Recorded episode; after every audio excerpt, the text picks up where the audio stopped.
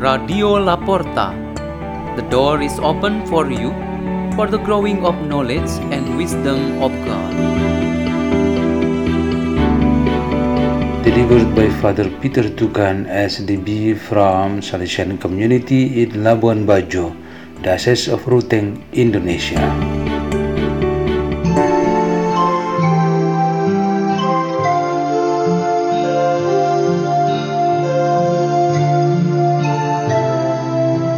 Reading and meditation on the Word of God on Thursday of the 10th week in Ordinary Time, June 9, 2022.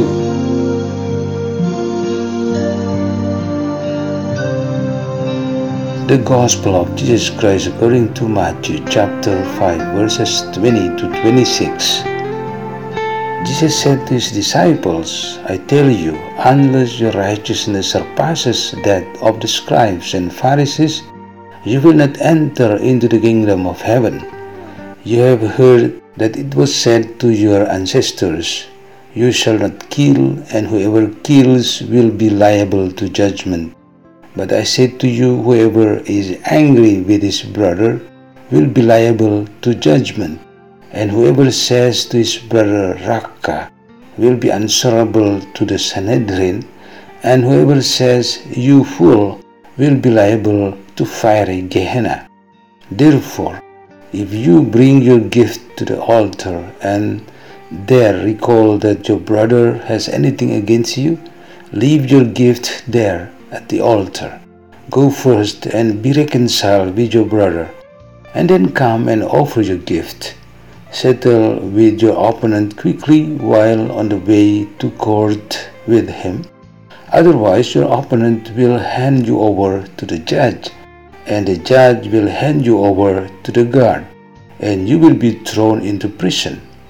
Amen. I say to you, you will not be released until you have paid the last penny. The Gospel of the Lord.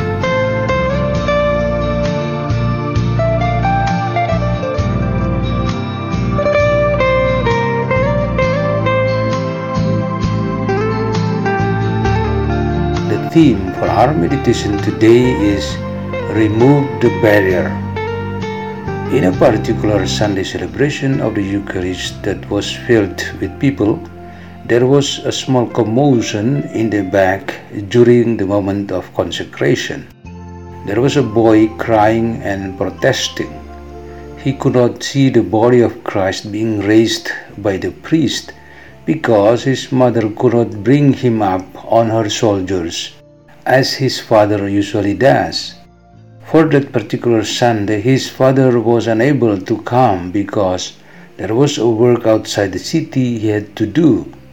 The child tried his best to see Jesus, but in vain, because many adults were just in front of him and prevented him from seeing the Lord. Any barrier or obstacle must be removed so that we can have freedom to see and experience the presence of God. The prophet Elijah managed to get rid of the barrier, namely the enemies of God who were so many in numbers and believed so strongly by the Jews. The prophet should first defeat them before providing the way for the believers or the people of God to experience God's mercy for themselves and to acknowledge God's supreme power. The prophet inspires us to always strive to get rid of barriers when they prevent us to come to God. In principle, we are the ones who create barriers in our lives. Laziness and boredom are often considered the big walls that prevents us from communicating with God. Those who are lazy and boring are caught asleep or making something else on the one side of the wall, and the Lord is waiting for them from the other side. They just need to be invited and persuaded or given an understanding so that they will regain their spirit. There is no permanent laziness and boredom in life. Anger, hatred, revenge, and a stony heart are considered as heavy steel walls. All of these are big barriers that prevents us from praying and connecting our hearts with God. We are asked to make peace and resolve the problem first, then come again to continue our prayers. This is what the Word of God demands us to do. People of this attitude are not enough invited and persuaded to change their way of lives.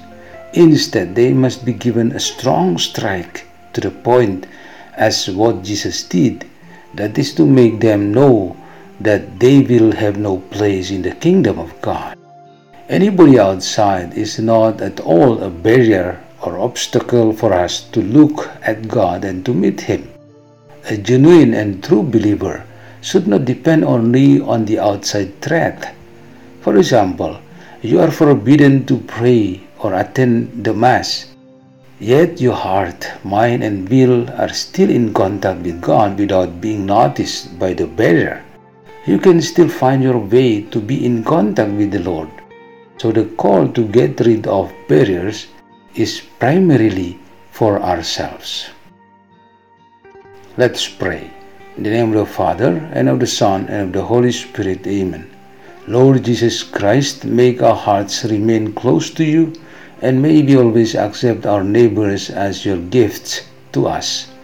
Hail Mary, full of grace, the Lord is with thee. Blessed art thou among women, and blessed the fruit of thy womb, Jesus. Holy Mary, Mother of God, pray for us sinners now and at the hour of our death. Amen. In the name of the Father, and of the Son, and of the Holy Spirit. Amen. Radio La Porta. The door is open for you.